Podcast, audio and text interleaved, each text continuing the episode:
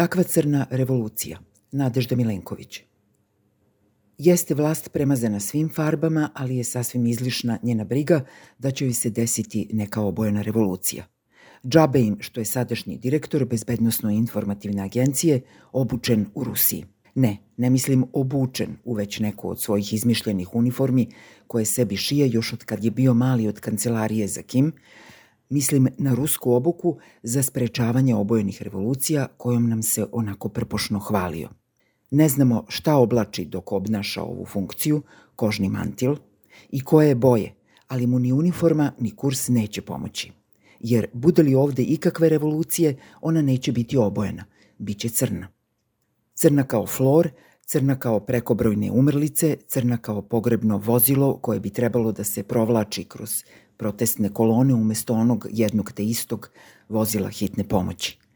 Crna kao slutnje roditelja pred novu školsku godinu, kao misli pred prvi u mesecu, kao prognoze rasta, plata i penzija.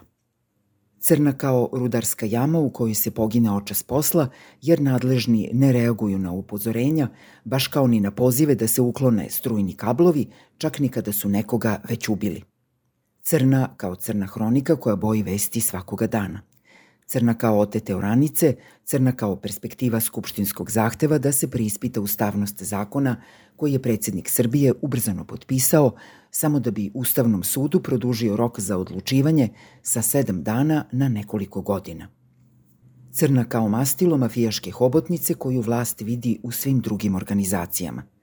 Crna kao prljave ruke vlasti, crna kao crno ispod nokta koje ne bi dali za opštu dobrobit – crna kao piratska zastava koja bi kao upozorenje trebalo da se vije umesto stranačke. Crna kao otisak prsta vlasti na zlodelima. Crna kao mantija nekažnjavanih, a nagrađivanih pedofila, crna kao misa za isterivanje đavola i kao gavran na ramenu zlopovednika.